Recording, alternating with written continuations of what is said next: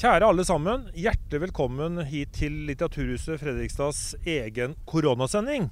Dette er jo merkelige og litt uvirkelige tider for oss og for veldig mange av dere der hjemme.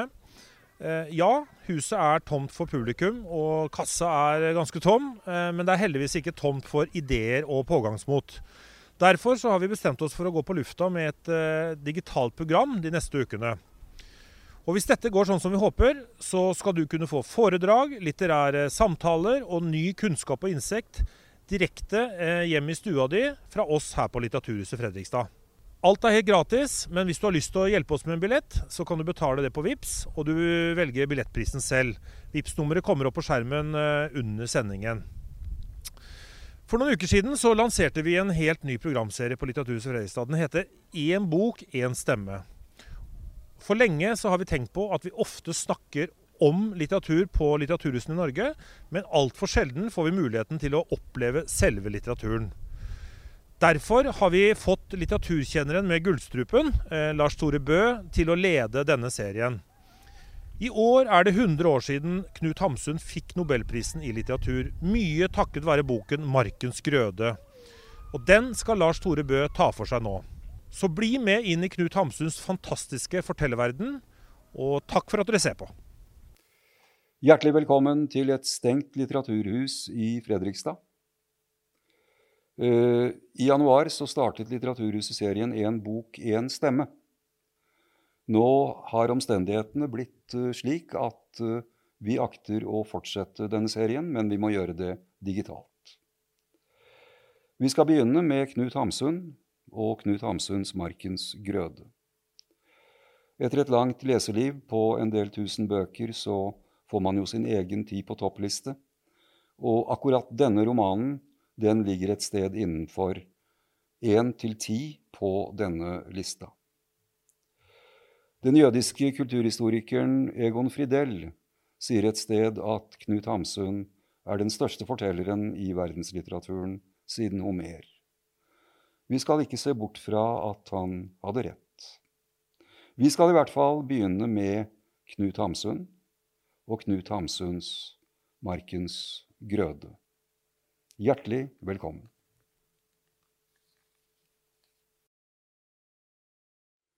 Den lange, lange sti over myrene og inn i skogene, hvem har tråkket opp den? Mannen, mennesket, den første som var her. Det var ingen sti før ham. Siden fulgte et og annet dyr de svake spor over moer og myrer og gjorde dem tydeligere, og siden igjen begynte en og annen lapp å snuse stien opp og gå den når han skulle fra fjell til fjell og se til sine ren. Slik ble stien til gjennom den store allmenning som ingen eiet, det herreløse land. Mannen kommer gående mot nord. Han bærer en sekk, den første sekk. Den inneholder niste og noen redskaper. Mannen er sterk og grov. Han har rødt jernskjegg og små arr i ansiktet og på hendene. Disse sårtomter, har han fått dem i arbeidet eller i strid? Han er kanskje kommet fra straff og vil skjule seg.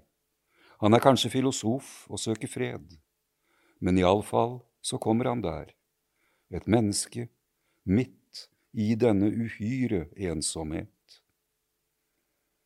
Han går og går.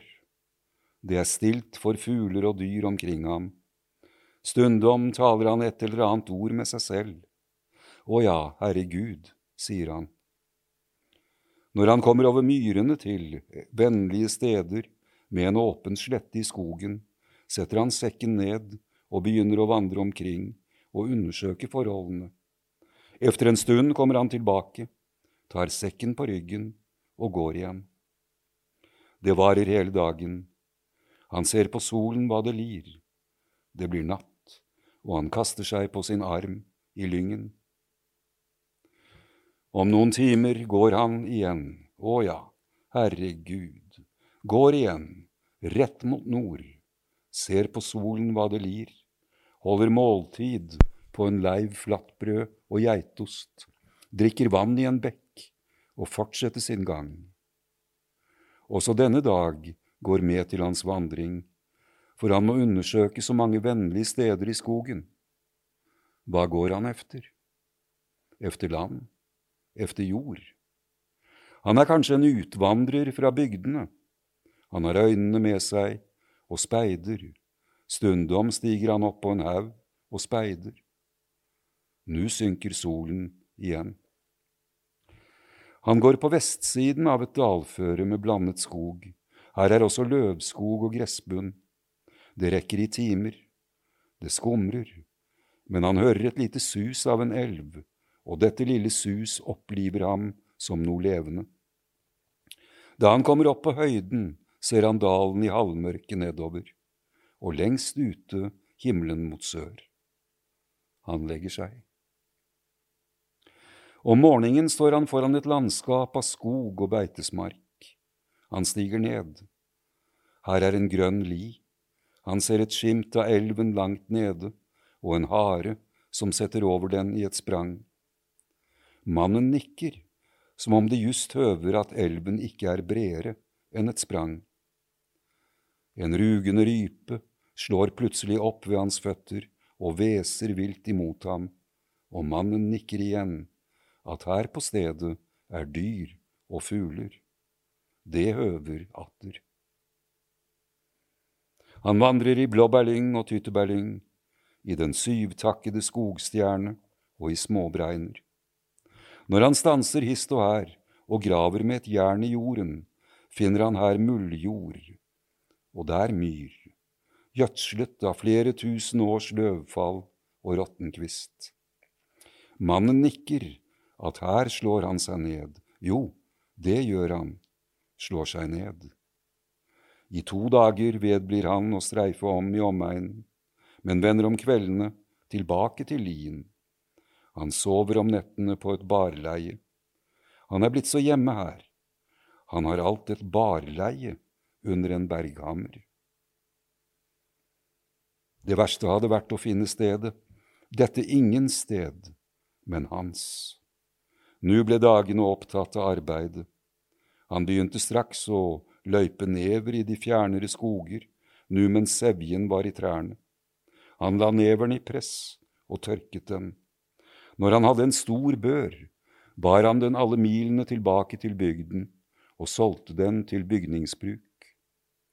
Og hjem til lien bar han atter nye sekker av matvarer og verktøy, mel, flesk, en gryte, en spade, gikk stien frem og tilbake og bar og bar. En født bærer, en pram gjennom skogene, og det var som han elsket sitt kall, å gå meget og bære meget, som om det ikke å ha en bør på ryggen var en lat tilværelse og ikke noe for ham. Han kom en dag med sin tunge bør og dessuten leiende to geiter og en ungbukk i bånd. Han var lykkelig for sine geiter, som om det hadde vært kyr, og var god mot dem. Det første fremmede mennesket kom forbi, en vandrende lapp. Han så geitene og forsto at han var kommet til en mann som hadde slått seg ned her, og han sa, Skal du bo her for godt? Ja, svarte mannen. Hva du heter? Isak, du vet ikke av en kvinnfolkhjelp til meg? Nei, men jeg skal orde det der jeg farer. Gjør så, at jeg har dyr og ingen til å passe dem. Isak, altså. Også det ville lappen orde. Mannen i marken var ingen rømling. Han oppga sitt navn. Han en rømling. Så var han blitt funnet. Han var bare en ufortrøden arbeider. Han slo vinterfòr til sine geiter, begynte å rydde mark og bryte aker og bære sten bort, mure gjerder av sten. Om høsten fikk han en bolig opp, en gamme av torv. Den var tett og varm. Det knaket ikke i den i storm. Den kunne ikke brenne opp. Han kunne gå inn i dette hjem og lukke døren og være der. Han kunne stå utenfor på dørhellen og eie hele bygningen hvis noen kom forbi. Gammen var delt i to. I den ene ende bodde han selv, i den annen dyrene.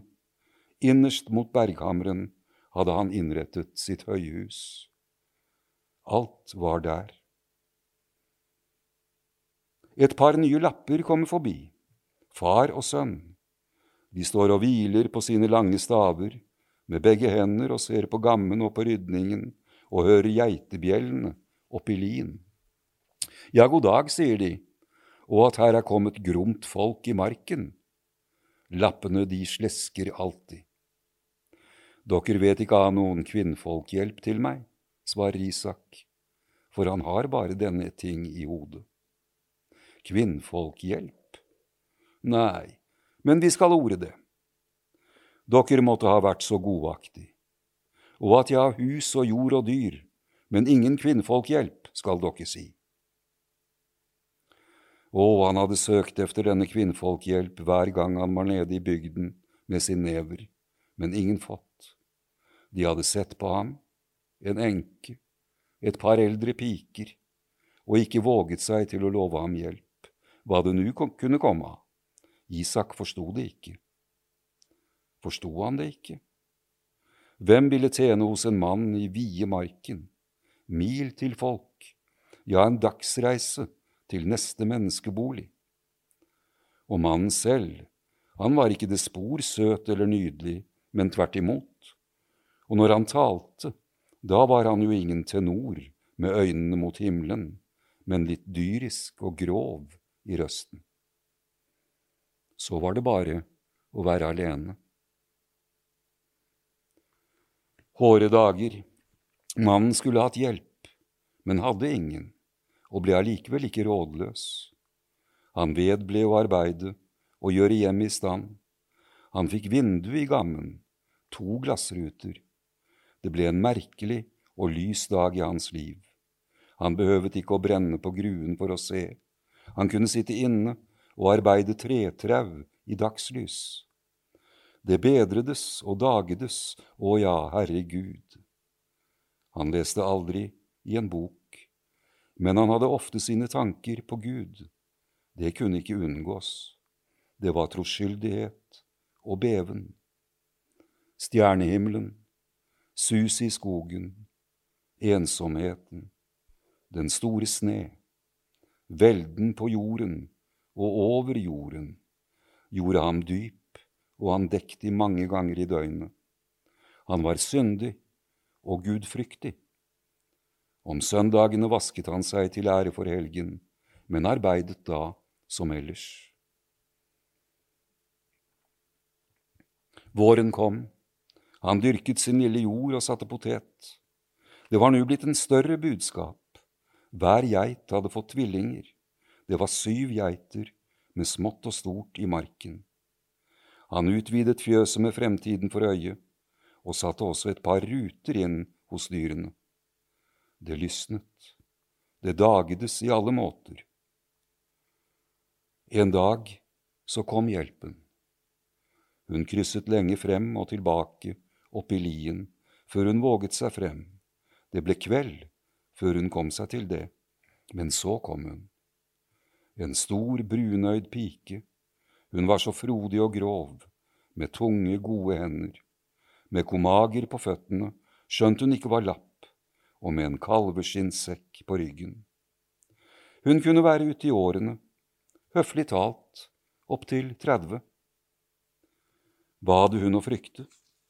Men hun hilste og skyndet seg å si, Jeg skulle bare over fjellene, og derfor så gikk jeg denne veien. Nå, sa mannen, han forsto henne bare så vidt. Hun talte utydelig og vendte dessuten ansiktet bort. Ja, sa hun, og det er så meget til lang vei. Ja, svarte han, skal du over fjellene? Ja, hva skal du der? Har folket mitt der. Nå har du folket ditt der. Hva du heter? Inger. Hva du heter? Isak. Nå, Isak, er det du som bor her? Ja, her bor jeg, slik som du nu ser det. Det skulle vel ikke være uvennes, sa hun rosende. Han var blitt en hel kar til å tenke seg om, og nu falt det ham inn at hun var kommet ens ærend, ja, at hun var gått hjemmefra som i forgårs og skulle bare hit. Hun hadde kanskje hørt at han manglet kvinnfolkhjelp. Gå inn og hvil føttene, sa han. De gikk inn i gammen og åt av hennes niste og drakk av hans geitemelk. Så kokte de kaffe som hun hadde med i en blære. De koset seg med kaffe før de gikk til sengs. Han lå var grådig efter henne om natten, og fikk henne.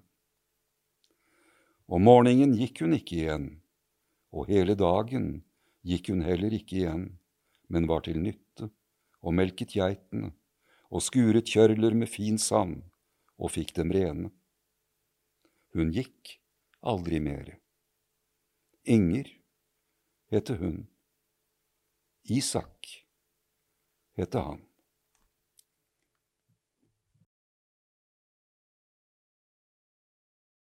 Og han het Knut og ble født den 4. august 1859 i Vågå.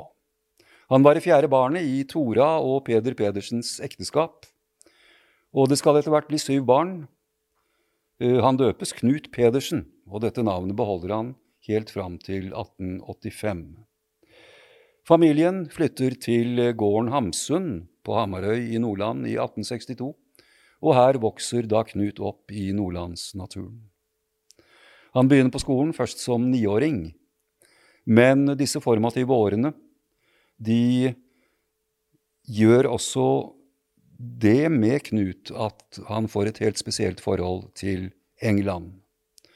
På Krambua hører han historier om den store krigen, napoleonskrigen, der engelske kryssere stengte hver havn, og i landet var misvekst og nød, som Ibsen skriver i Terjeviken. England er synonymt med hunger, elendighet og nød. De første renningene i livsveven blir nå spunnet.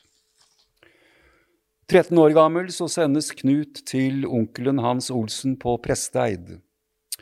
Foreldrene Tora og Peder har praktisert en veldig mild form for kristendom, men når han kommer til Hans, så skjer det noe ganske markant. Her er det en dømmende religiøsitet, og den Herren elsker, tukter han, og Knut må ha vært elsket. Han møter altså en gammeltestamentlig og nådeløs Gud personifisert i morbroren, som nå tvinger Knut til å sitte på oppbyggelige forsamlinger og lese høyt fra skrifter om syndenes, syndernes evige fortapelse. Dette skaper et inett hat og raseri hos Knut Hamsun, noe som senere får utløp i et voldsomt angrep på den pietistiske og dobbeltmoralske politikeren og presten Lars Oftedal. Han var jo også Alexander Kiellands skyteskive gjennom en del romaner. Hamsuns første opprør kommer når han er 15 år gammel. Han vil ikke konfirmere seg for Hamarøy-presten og reiser til morens hjembygd i Lom. Han kommer tilbake til Nordland, arbeider som handelsbetjent, skolelærer, lensmannsbetjent, til han forlater Nord-Norge 20 år gammel. Han har fått 1600 kroner av kjøpmann Sal på Hamarøy, og med disse pengene drar han til Øystese i Hardanger, der han skriver fortellingen Frida. Turen går videre til København, han vil ha den publisert, men blir refusert.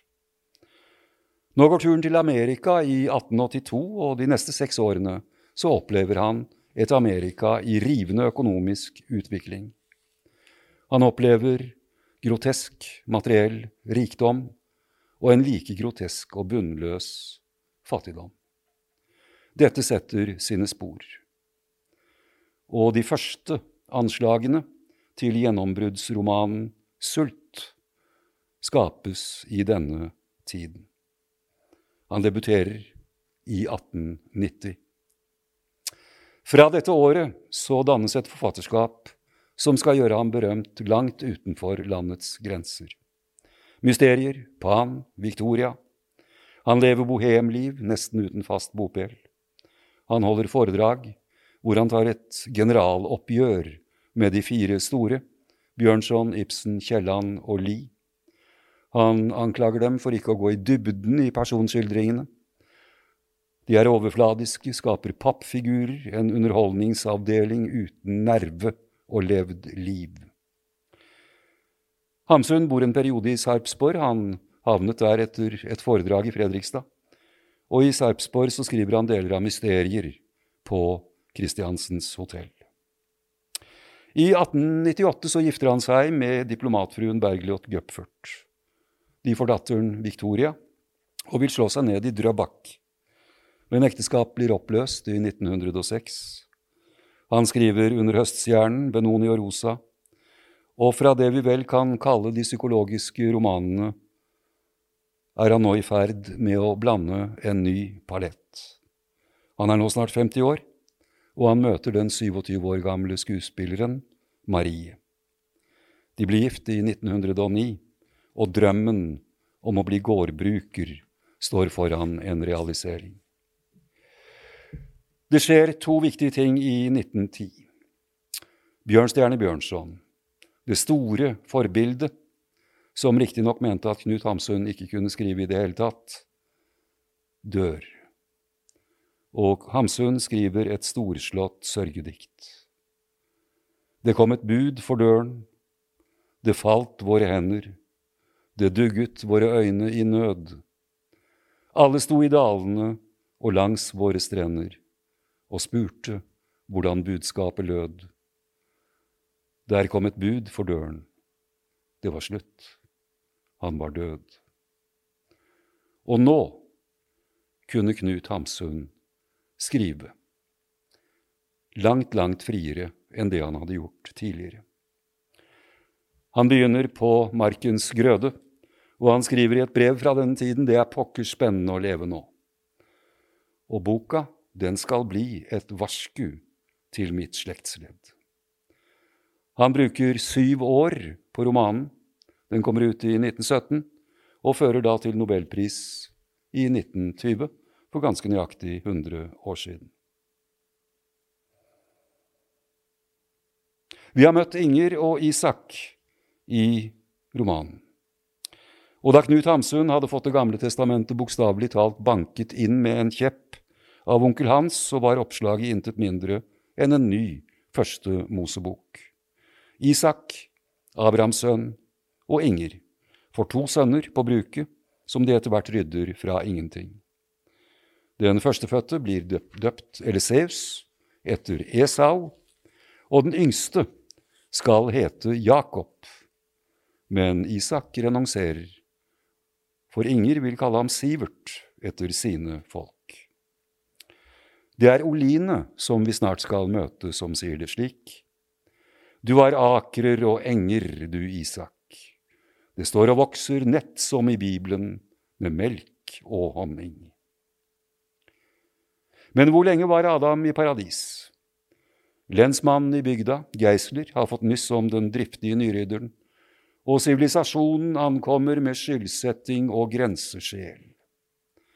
Etter at grensen er gått opp, og det er en stor eiendom som lensmannen nå hjelper ham til, så spør Geisler, hva heter dette stedet?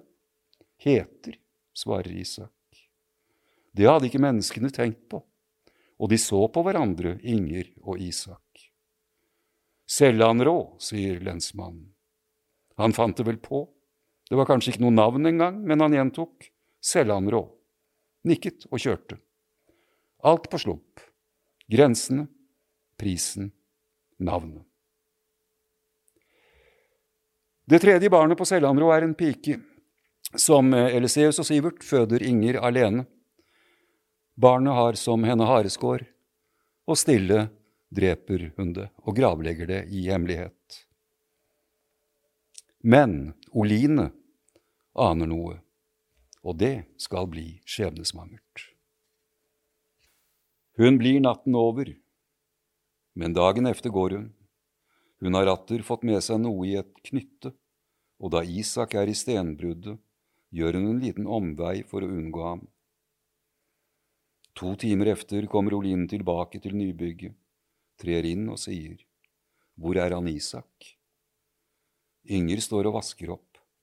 Hun skjønner at Oline må ha passert Isak og barna som er i bruddet. Hun aner straks uråd. Han Isak? Hva du vil han Isak? Nei, hva jeg vil han. Men jeg fikk ikke bydd ham farvel. Taushet. Oline siger uten videre ned på en benk, som om benene ikke vil bære henne mer. Hun innvarsler med vilje noe usedvanlig, nettopp ved sin dåneferdighet. Inger styrer seg ikke lenger. Hennes ansikt er fullt av raseri og redsel. Hun sier, Jeg fikk en hilsing fra deg med han Os-Anders. Det var en pen hilsing. Hvorledes? Det var en hare. Hva du sier? spør Oline forunderlig mildt. Du skal ikke vør nekte det, roper Inger vill i øynene. Jeg skal drive denne treøsen midt i kjeften på deg. Se der! Slo hun? Ja visst.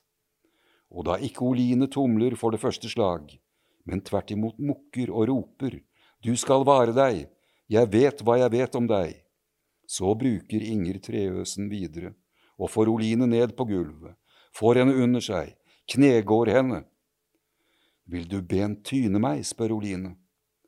Hun hadde denne fryktelige haremunnen over seg, et stort, sterkt kvinnfolk med et banketre av en slev i hånden. Oline var alt bulnet av slag, hun blødde, men hun mukket mere og ga seg ikke. Nå, du vil tyne meg òg. Ja, drepe deg, svarer Inger og slår. Der har du, jeg skal slå deg i hjel. Hun hadde en uvisshet. Oline kjente hennes hemmelighet, og hun brydde seg om ingenting mer. Der har du i trynet ditt. Trynet mitt. Det er du som har trynet, stønner Oline. Vår Herre har skåret et kors i ansiktet ditt. Da Oline er så seig å få bukt med, så forbannet seig, må Inger holde inne med sine slag, de er til intet, de maser henne selv ut. Men hun truer, og hun truer med treøsen under Olines øyne, at hun skal få mere, hun skal få evig nok. Jeg har en bordjunge, du skal få se han. Hun reiser seg opp som for å lete efter kniven, efter bordjungen, men nå er hennes verste opphisselse over, og hun bare bruker munnen. Oline kommer seg opp på benken igjen, gul og blå i ansiktet, bulnet og blodig. Hun stryker håret bort, retter på sitt hodeplagg, spytter. Hennes munn er oppsvulmet. Ditt kreatur, sier hun. Du har vært i skogen og snuset, roper Inger. Det er det du har brukt timene til. Du har funnet den ørlille graven. Men du skulle ha gravet et hull til deg selv med det samme. Nå skal du få se, svarer Oline, og hun lyser av hevngjerrighet. Jeg sier ikke mere, men det blir ikke lenger stue med kammers og orgelverk i klokken. Det rår ikke du for. Det skal Oline og jeg rå for. De to kvinnfolk kjekler herom. Oline er, er ikke så grov og høyrøstet. Nei, hun er likefrem fredelig i sin gromme ondskap. Men hun er inett og farlig. Jeg ser efter knyttet mitt. Jeg angrer på at jeg la det igjen i skogen. Du skal få ullen igjen. Jeg vil ikke eie den. Nå, så tror du jeg har stjålet den. Selv vet du hva du har. Det kjekler de atter om. Inger tilbyr å peke på dem av sine sauer som hun har klippet ullen av. Oline spør fredelig og melet, ja ja, men hvem vet hvor du fikk den første sauen? Inger nevner navn og sted hvor hennes første sauer var i fòr med sine lam. Og du skal bare klinke klare vare deg for munnen din, tror hun. Ha-ha, ler Oline så smått. Hun har alltid hver gang et svar og gir seg ikke munnen min, enn din egen munn. Hun peker på Ingers vanskapthet og kaller henne en skabelon for Gud og mennesker. Inger svarer fresende, og fordi Olin er fet, kaller hun henne et ister, et slikt hundeister som du er. og du skal få takk for haren som du sendte meg. Haren? Det er som at jeg hadde vært så fri for synd som for den haren. Hvorledes så han ut? Hvorledes ser en hare ut? Som du, nett akkurat som du. Og du skulle ikke ha fornøden å se på harer. Du skal ha deg ut, skriker Inger. Det var du som lot han Os-Anders komme med haren. Jeg skal få deg på straff. Straff? Var det straff du nevnte? Du misunner meg alt jeg har, og du stekes opp av misunnelse til meg, vedblir Inger. Du har snart sagt ikke fått søvn på øynene siden at jeg ble gift og fikk han Isak, og alt det som her er. Du store Gud Fader, hva du vil meg. Er det min skyld at barna dine ikke kom seg noen steder hen og ble til noe? Du tåler ikke å se at barna mine er velskapte og har grommere navn enn som dine, og kan jeg hjelpe for at de er penere av kjøtt og blod enn som dine var?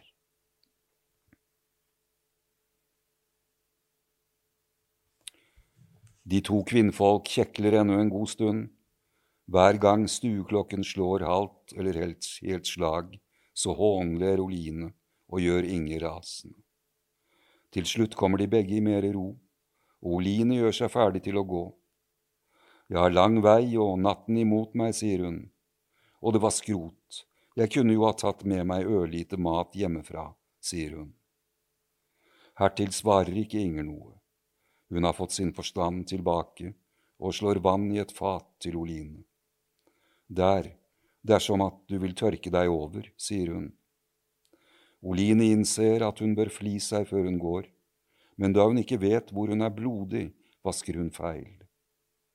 Inger står og ser på dette en stund. Så peker hun. Der, far over tinningen også. Nei, den andre tinningen, jeg står jo og peker.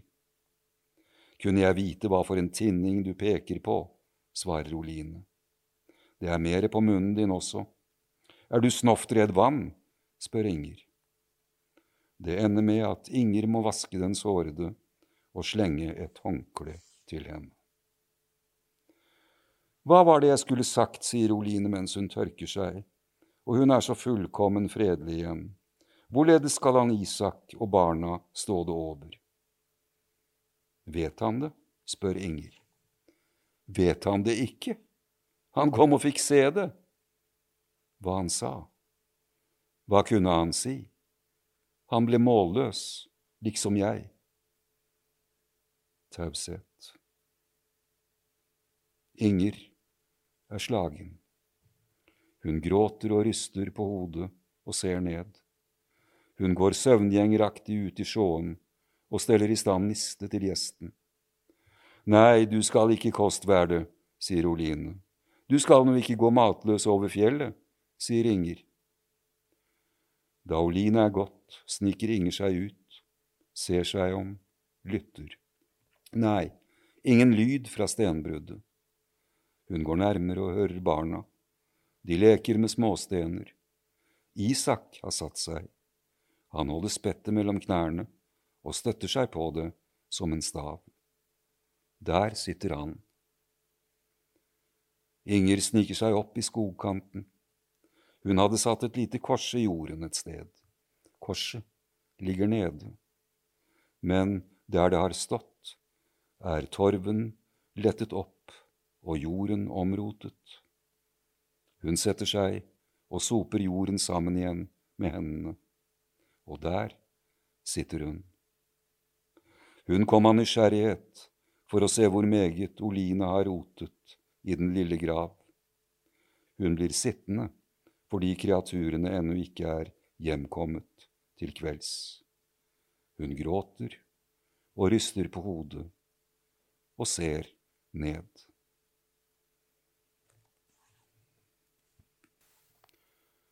Årene går fort, ja, for den som eldet er.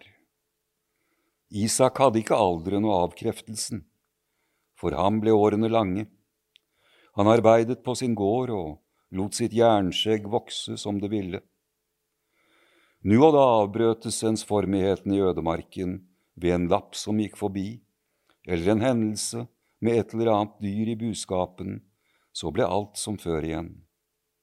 En gang så kom mange karer gående. De hvilte på Seljanrå og spiste og fikk melk. De spurte Isak og Oline ut om stien over fjellet. De skulle gå opp telegraflinje, sa de. En annen gang så kom Geisler, ingen mindre enn Geisler. Han kom sannelig fri og frels, spaserende opp fra bygden, og hadde med seg to mann med mineredskaper og hakke og spade. Den Geisler. Han var den samme som før, uforandret, han hilste god dag, talte med barna, gikk inn i stuen og kom ut igjen. Så jordet over, åpnet dører til fjøs og høyhus og kikket inn. Utmerket, sa han. Isak, har du de småstenene enda? Småstenene? spurte Isak. De små, tunge stenene som gutten din lekte med da jeg var her en gang. Stenene de var kommet ut i sjåen og lå som vekt på hver sin musefelle, og nå ble de hentet frem. Lensmannen og de to menn undersøkte dem og talte om dem, slo litt på dem, veiet dem i hånden. Blåkobber, sa de. Kan du være med opp i fjellet og vise oss hvor du har funnet dem? sa Geisler. Det bar til fjells med alle sammen, og det var ikke langt til finnestedet. Men de vandret allikevel i fjellet et par dager og søkte efter metallårer og skjøt skudd. De kom ned til gården med to poser tunge av småsten. Isak hadde nå fått talt med Geisler om hele sin stilling, om gårdkjøpet som har blitt på 100 daler i stedet for 50.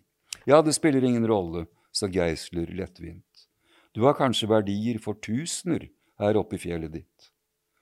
Nå, sa Isak, men du skal få tinglest skjøte så fort som råd er. Ja, så ikke staten begynner å krangle med deg, forstår du. Isak forsto. Men det verste er Mo Inger, sa han. Ja, sa Geisler, og grunnet usedvanlig lenge for ham å være. Saken kunne kanskje opptas igjen. Når alt kom for en dag, ville hun vel få litt nedsettelse i straffen. Men vi kunne kanskje søke om benådning og oppnå omtrent det samme med det. Nå, mener dere det? Men eh, benådning kan vi ikke søke om enda. Det må gå noen tid. Hva jeg skulle ha sagt, du har vært hos min familie både med slakt og geitost. Hva skylder jeg? Nei, lensmannen har betalt så meget før.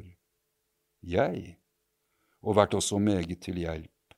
Nei, sa Geisler kort og la opp noen dalersedler. Ta det der, sa han. Det var en mann som ikke ville ha noe gratis, og penger lot det til å ligge nok av igjen i lommeboken, så tykk var den. Gud vet om det virkelig var så rikt med ham. Men hun skriver at hun har det bra, sa Isak, som bare tenkte på sitt. Nå din kone? Ja. Og siden at hun fikk den lille piken, hun har fått en stor og velskapt pike. Ja, det er utmerket. Ja, og siden så hjelper de henne alle sammen og er snille, sier hun. Geisler sa, Nå sender jeg disse småstenene til noen bergkyndige og får vite hva som bor i dem. Er det ordentlig med kobber, så får du mange penger. Nå, sa Isak, og hva tid tror dere at vi kan søke om benådning? Om noen tid. Jeg skal skrive for deg. Jeg kommer igjen senere. Hva var det du sa, har din kone alt fått et barn siden hun reiste? Ja.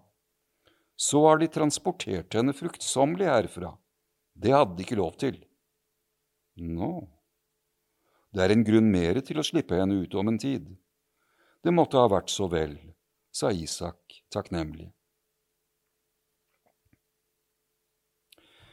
Isak kjente ikke til at myndighetene alt hadde måttet forfatte mange og lange skrivelser frem og tilbake om den fruktsommelige kone. De hadde i sin tid unnlatt å arrestere henne på hjemstedet av to grunner. De manglet arresthus til henne i bygden, og de ville være milde. Følgen ble uberegnelig. Senere, da Inger skulle hentes, hadde ingen spurt om hennes tilstand, og hun selv hadde intet sagt. Kanskje hadde hun også tiet med vilje for å ha et barn i sin nærhet i de onde år. Når hun oppførte seg godt, ville hun vel få se det nå og da. Kanskje hadde hun bare vært sløv og gått likegyldig med på å bli leiet hjemmefra, tross sin tilstand. Isak arbeidet og strevet. Han grøftet og brøt på sin innmark. Han hugget skjell mellom seg og staten. Veden ble atter et års favnved. Men da han ikke lenger hadde inger å gjøre seg grom for, så slet han mere av vane enn av velbehag. Der hadde han nu også ved to ting forsømt og forsøte tinglest, fordi det ikke lå ham på hjertet. Endelig nå i høst hadde han hatt tiltak til å få det gjort. Det var ikke som det skulle være med ham. Tålsom og sindig, ja visst var han det, men han var tålsom og sindig fordi han hadde fått helle på. Han fant frem skinn fordi det skulle gjøres, geiteskinn, kalveskinn. Han la dem i elven og røytet dem, la dem i bark, gjorde dem ferdige til fottøy. Han tok av om vinteren, allerede ved første tresking tok han av sitt såkorn, for neste vår for å ha det gjort. Det var best å ha det gjort. Han var en ordensmann, men det var blitt grått og ensomt for ham. Å ja, herregud, ugift mann igjen, og alt i hop. Inger får åtte år i tukthuset. Her får hun datteren Leopoldine, og mens hun har vært borte, har det kommet en navnløs gjest til det stedet der Sellanrå var den første rydningen. Gjesten er også i dag navnløs, den kalles bare Utviklingen. Telegraftrådene strekkes over skoger og fjell. Lensmannsbetjenten Brede Olsen rydder plass til å bli nærmeste nabo på Breidablikk, og Aksel Strøm rydder sitt måneland. Det er kobber i fjellet, og det skal brytes. Geisler trekker i trådene. Han dukker opp og forsvinner. Dukker opp og forsvinner. Industrireisning og vekst heter det i dag, og etter hvert kommer arbeidere til bygda og med dem kommer pengene. Og med pengene handelsstedet, storborg. Krambua fylles av varer og krimskrams som Isak hoderystende betrakter som unyttigheter. Og de sjeldne gangene da Isak ler, det skjer når han hører at Krambua skal selge mekaniske fugler som kan synge når du har trukket dem opp. Inger har levd åtte år i byen, Eliseus og Sivert vokser til, og eldstemann vil til byen for å prøve lykken. Sivert følger derimot i farens fotspor, som den bibelske Jakob, og en datter til, Rebekka, blir født. Inger har fått byvaner i fengselet. Hareskåret er operert, og hun liker å kle seg finere. Hun har også fått et annet språk. Før så ropte hun fra dørhella at det var mat. Nå sier hun vær så god. Det er fremmed for Isak. Hun er også blitt så flink til å sy. Kvinner helt nede fra handelsstedet kommer til henne for å få råd og veiledning, og hun liker også å danse. Og når gruvearbeiderne kommer til bygda, går Inger inn i sin andre ungdom, og i den nordlandske vårnatten så er hun utro. Vi skal komme tilbake til det. Men først skal vi til Aksel Strøm på Måneland. Han innleder et forhold til Bredes datter Barbro, men det går i skarpe kast. Hun har også fått smaken på bylivet, og da svangerskapet er et skår i gleden, tar også hun livet av sitt nyfødte barn, av egoistiske grunner. Brede finner seg ikke til rette som nybrottsmann. Han blir derimot oppsynsmann for telegrafen, og rastløst så flakker han rundt i skog og mark, på jakt etter skatten. Han er på jakt etter lettjente penger, den kortsiktige profittens mann som går til grunne. En konflikt mellom Aksel og Brede tilspisser seg, og i bakgrunnen spøker Oline.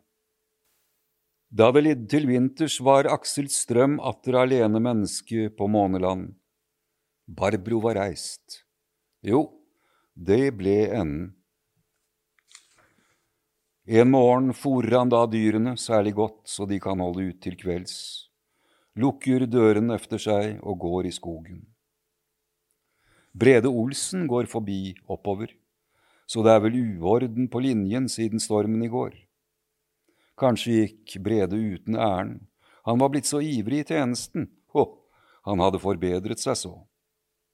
Mennene talte ikke til hverandre og hilste ikke. Aksel merker godt at været er begynt å slå om. Det blåser mer og mer opp, men han driver bare på. Det er langt over middag, og han har ikke spist.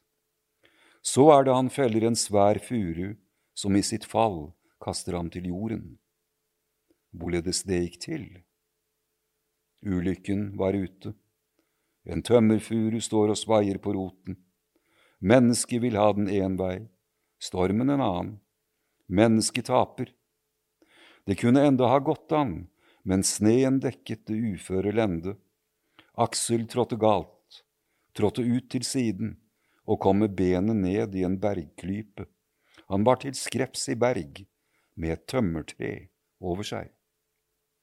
Ja vel, det kunne enda ha gått an, men han var blitt liggende så utsøkt vrengt, så vidt han kjente med hele lemmer men forvridd og uten å kunne arbeide seg frem av den store vekt. Efter en stund har han fått den ene hånd fri, den andre ligger han på.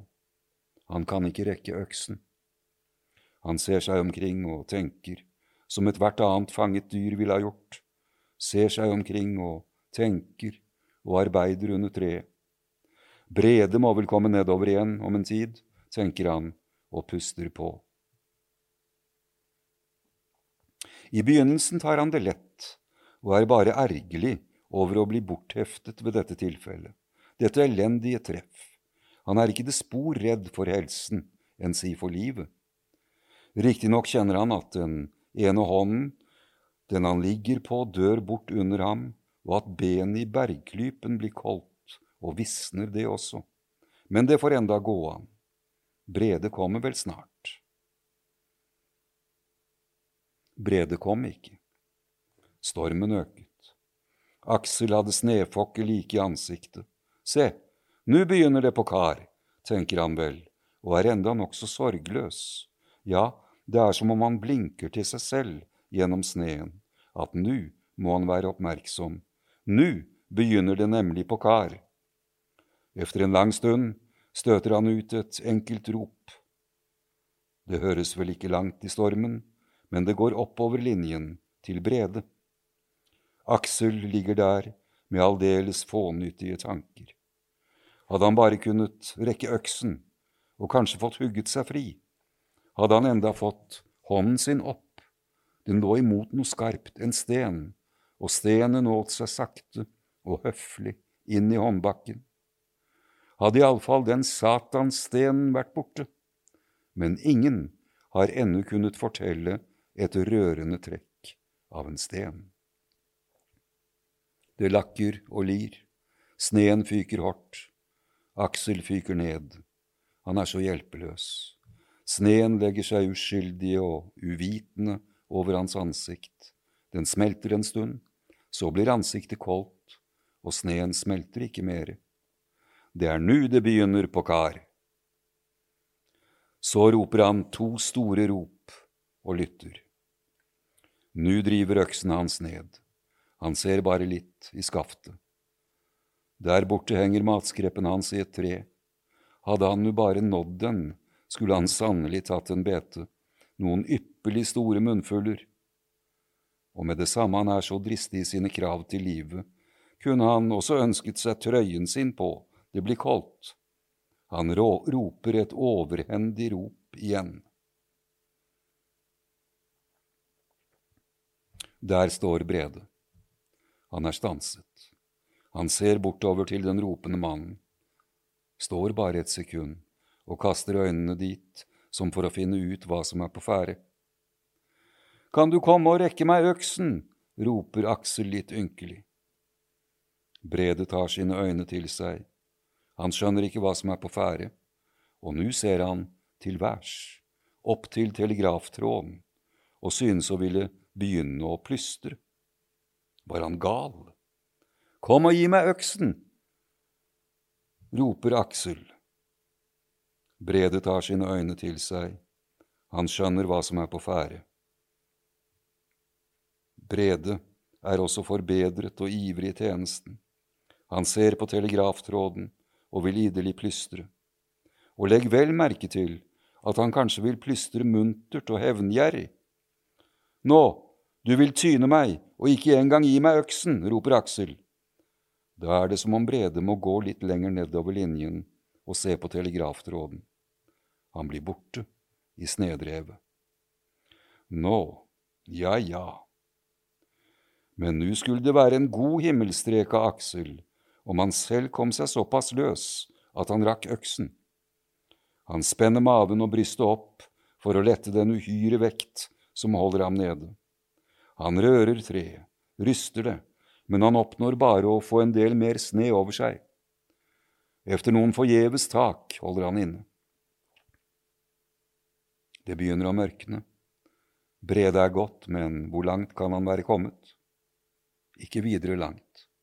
Aksel roper igjen, og taler med det samme fra leveren. Lar du meg ligge her, din manndraper, roper han. Har du ikke sjel og salighet, kjære? Du vet du kunne få en ku for å gi meg en eneste hånds hjelp, men du er en hund, Brede, og du vil tyne meg. Men så skal jeg også melde deg, så sant som jeg ligger her, husk på det. Å, kan du ikke komme og gi meg øksen? Stille. Aksel arbeider igjen under treet. Letter det litt med maven og får det til å dynge ham enda mer ned med sne. Så gir han seg over og sukker. Slitt og søvnig blir han også. Dyrene, nå står de i gammen og rauter. De har ikke fått vått eller tørt siden i morges. Barbro gir dem ikke mere. Hun rømte, rømte med begge fingeringene også. Det mørkner, ja vel. Det blir kveld og natt. Men det kunne enda gå an. Men det er koldt. Nu iser skjegget. Øynene vil også ise igjen på ham. Trøyen der borte på treet kunne ha vært godt å ha. Og er det mulig, hans ene ben kjennes dødt til hoften. Alt står i Guds faderhånd, sier han, og det er jo formelig som han kan tale gudelig når han vil. Det mørkner. Ja vel, han kan dø uten tent lampe. Han blir så bløt og god, og for å være ydmyk smiler han vennlig og tåpelig til uværet. Det er Guds sne, uskyldig sne. Ja, han kan endog la være å melde Brede. Han stilner og blir mer og mer søvnig, ja, som lam av forgift. Han ser så meget hvitt for øynene, skoger, og sletter, store vinger, hvite flor, hvite seil, hvitt, hvitt, hva kan det være? Sludder, han vet godt at det er sne. Han ligger i marken, det er ikke noe oppspinn at han er begravet under et tre. Så roper han på måfå igjen. Belger, der nede i sneen ligger hans veldige og hårete bryst og belger. Det måtte kunne høres helt til gammen, til dyrene, han belger gang på gang. Og er du ikke et svin og et udyr, roper han efter Brede, har du betenkt hva du gjør, og lar meg forgå? Times du ikke å gi meg øksen, spør jeg, og er du et så skammelig kreatur, eller et menneske? Men lykke på reisen dersom at det er din akt og mening å gå ifra meg. Han må ha sovet. Han er så stiv og livløs, men øynene er åpne, gjengrodde med is, men åpne. Han kan ikke blinke med dem. Har han sovet med åpne øyne? Kanskje han bare har blundet et minutt eller en time.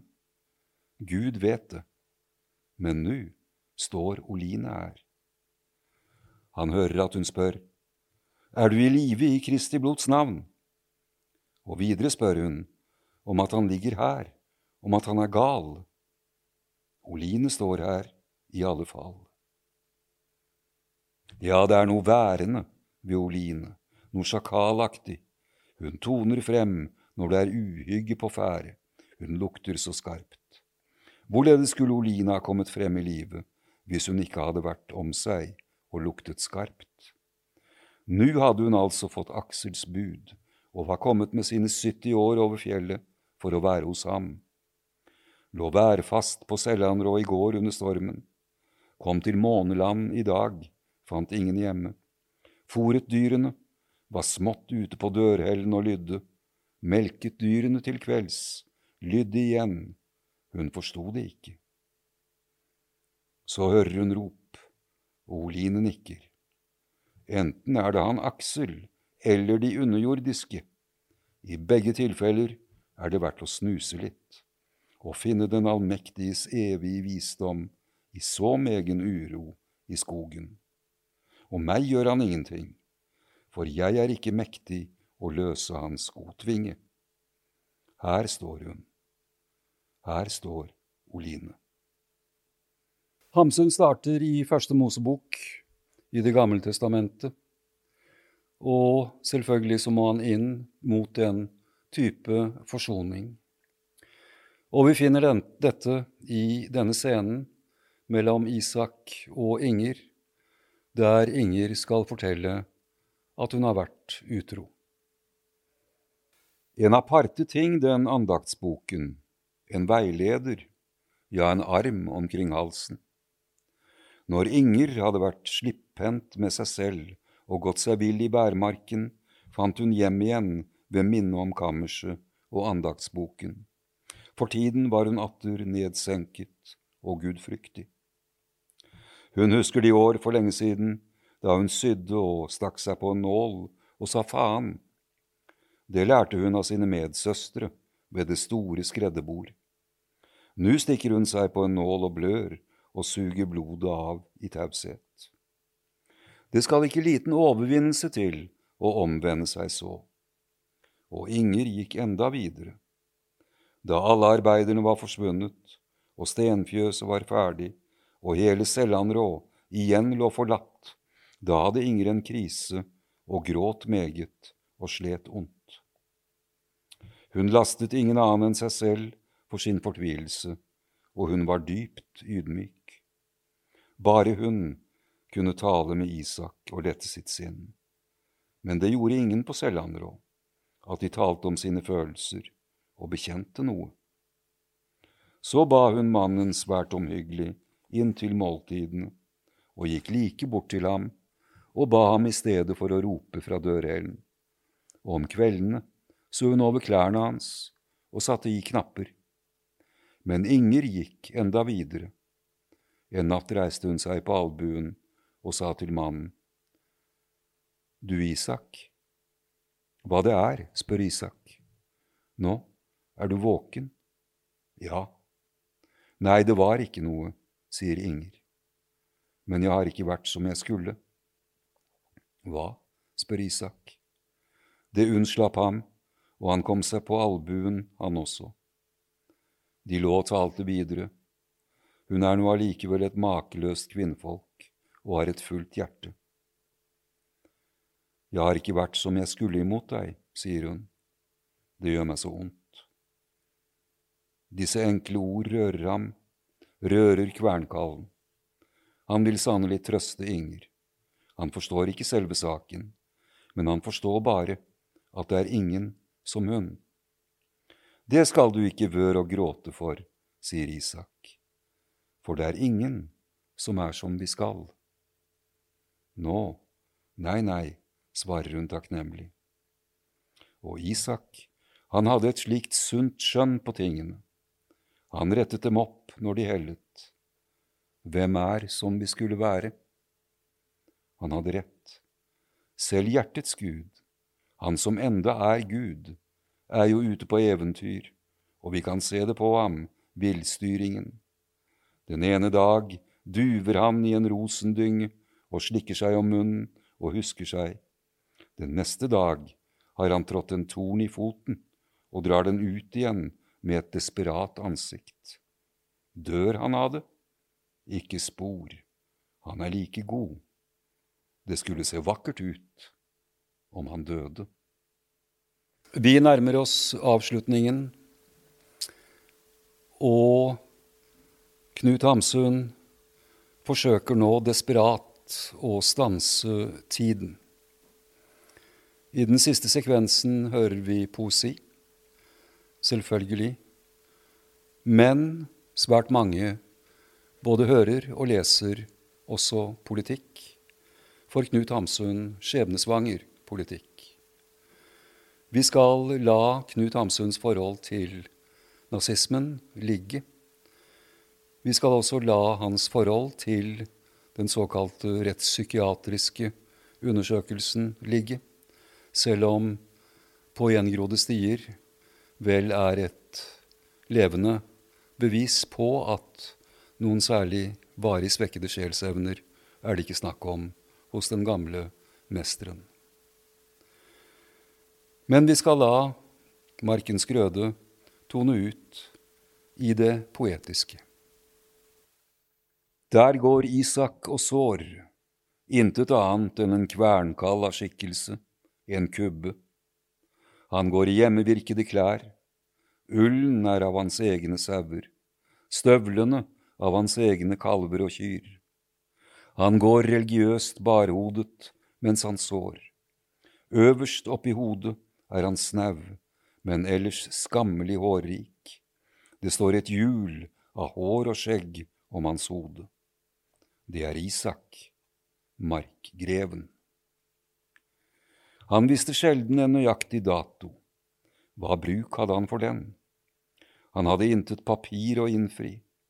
Kryssene i almanakken var når hver ku skulle bære, men han visste olsokk om høsten, at da hadde han alt tatt tørrhøy inn, og han visste korsmesse om våren, og at tre uker efter korsmesse gikk bjørnen av hi, da skulle all sæd være i jorden. Han visste det som trengtes. Han er markbo i sinn og skinn, og jordbruker uten nåde, en gjenoppstanden fra fortiden som peker fremtiden ut, en mann fra det første jordbruk, landomsmann, 900 år gammel, og igjen dagens mann. Nei, han hadde intet igjen av pengene fra Kobbefjellet, de var blåst bort, og hvem hadde noe igjen av dem da fjellet atter lå forlatt? men allmenningen, den ligger med ti nybygg og vinker på andre hundre. Vokser er intet. Her vokser alt, mennesker, dyr og grøde. Isaks år. Kveldssolen skinner på kornet. Det stritter ut fra hans hånd i bue og synker som en gulldryft i jorden. Der kommer Sivert og skal harve. Siden skal han rulle så harver han igjen. Skogen og fjellene står og ser på. Alt er høyhet og velde. Her er sammenheng og mål. Klingeling, sier bjellene, langt oppe i lien. Det kommer nærmere og nærmere. Dyrene søker hjem til kvelds. Det er 15 kyr og 45 småfe. Dyrene er tre snes fulle. Der går kvinnfolkene til sommerfjøset med sine mange melkebøtter. De bærer dem i børtre på akslene. Det er Leopoldine, Jensine og lille Rebekka. De er alle tre barbente. Markrevinnen er ikke med. Inger selv, hun er inne. Hun skal lage maten.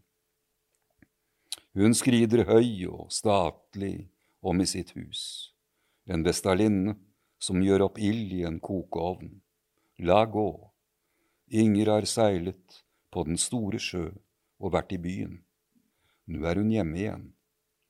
Verden er vid, den yrer av prikker. Inger har yret med. Hun var nesten ingen blant menneskene, bare én. Så kommer kvelden.